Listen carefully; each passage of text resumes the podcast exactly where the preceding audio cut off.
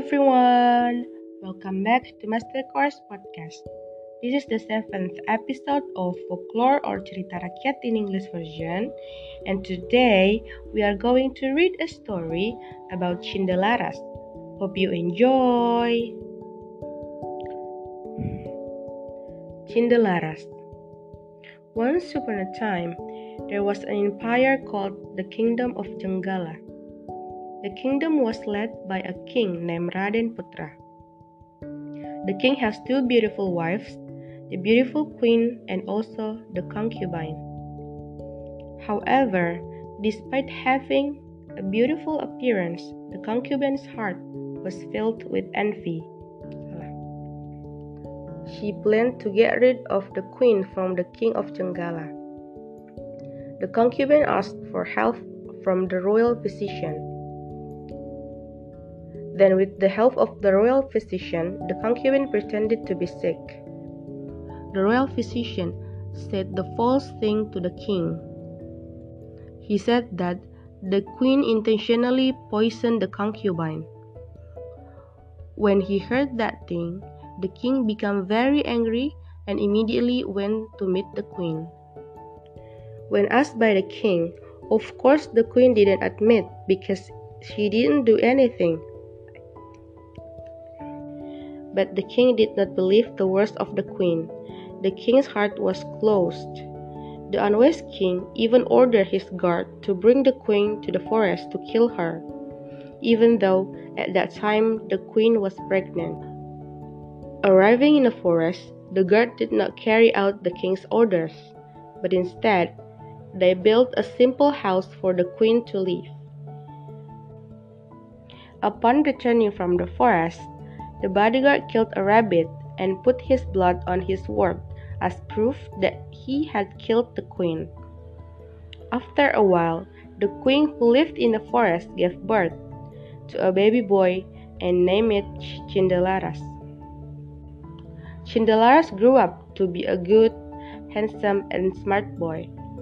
When Cindelaras was helping his mother find firewood in the forest, Cindelaras found a chicken egg then he brought the chicken egg home. Cindelaras treats the eggs until they hatch. And it's amazing how it turns that the chicken egg hatch into a magical chicken that is very strong and can talk. My lord is Cindelaras. His house in the forest, he is a son of Varinputra, said the chicken repeatedly. Hearing this, the mother could not help but then told everything to Cindelaras. After knowing everything, Cindelaras then asked permission to meet his father and tell him the truth. On the way to the kingdom of Jenggala, he was challenged by several people to pit the greatest chicken of him. Not only one, it turned out that Cindelaras' chicken was able to defeat dozens of other chicken in just a few minutes.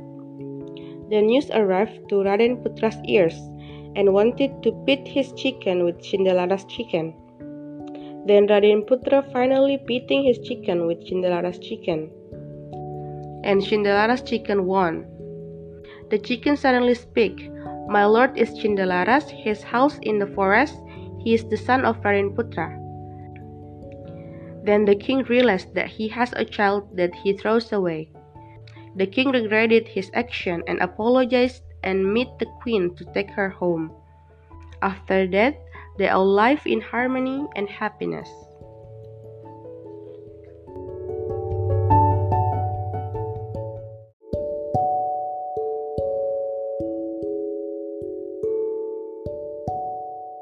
Halo semua, kembali lagi di Master Course Podcast. Ini adalah episode ke-7 dari folklore atau cerita rakyat versi bahasa Indonesia.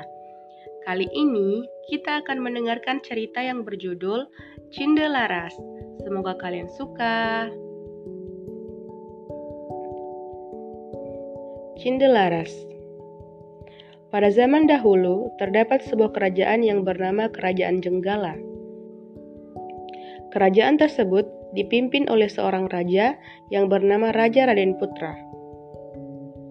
Raja tersebut mempunyai dua orang istri, sang ratu dan sang selir. Akan tetapi, meskipun memiliki rupa yang cantik, hati sang selir dipenuhi dengan rasa iri dan dengki, sehingga ia berencana untuk menyingkirkan sang ratu dari kerajaan Jenggala. Sang selir meminta bantuan seorang tabib. Lalu, dibantu oleh tabib kerajaan, sang selir berpura-pura sakit. Tabib kerajaan tersebut mengatakan hal yang bohong kepada raja bahwa sang ratulah yang telah meracuni sang selir. Ketika mendengar hal tersebut, raja pun menjadi sangat marah dan langsung pergi menemui sang ratu. Ketika ditanya oleh raja, tentu saja sang ratu tidak mengakui karena ia memang tidak melakukan hal keji itu. Akan tetapi, sang raja tidak percaya perkataan sang ratu. Hati sang raja sudah tertutup. Raja yang tidak bijak itu bahkan memerintah para pengawalnya untuk membawa sang ratu ke hutan untuk membunuhnya. Padahal ketika itu, sang ratu sedang dalam keadaan mengandung. Sesampainya di hutan, pengawal tersebut tidak melaksanakan perintah sang raja, akan tetapi justru membangunkan sebuah rumah sederhana untuk tempat tinggal sang ratu. Sekembalinya dari hutan, Pengawal tersebut membunuh seekor kelinci, lalu mengoleskan darahnya pada pedangnya sebagai bukti bahwa ia telah membunuh sang ratu. Setelah beberapa lama, ratu yang tinggal di hutan tersebut melahirkan seorang anak bayi laki-laki yang diberi nama Cindalaras. Cindalaras tumbuh menjadi anak yang baik, tampan, serta pintar. Ketika Cindalaras sedang membantu ibunya mencari kayu bakar di hutan, Cindalaras menemukan sebuah telur ayam, kemudian ia membawa telur tersebut pulang. Cindalaras merawat telur tersebut hingga menetas. Sungguh menakjubkan. Telur tersebut menetas menjadi seekor ayam ajaib yang sangat kuat dan bisa berbicara. Tuanku adalah Cindalaras, rumahnya di hutan. Dia adalah anak dari Raden Putra. Begitu ucap sang ayam, terus-menerus dan berulang-ulang.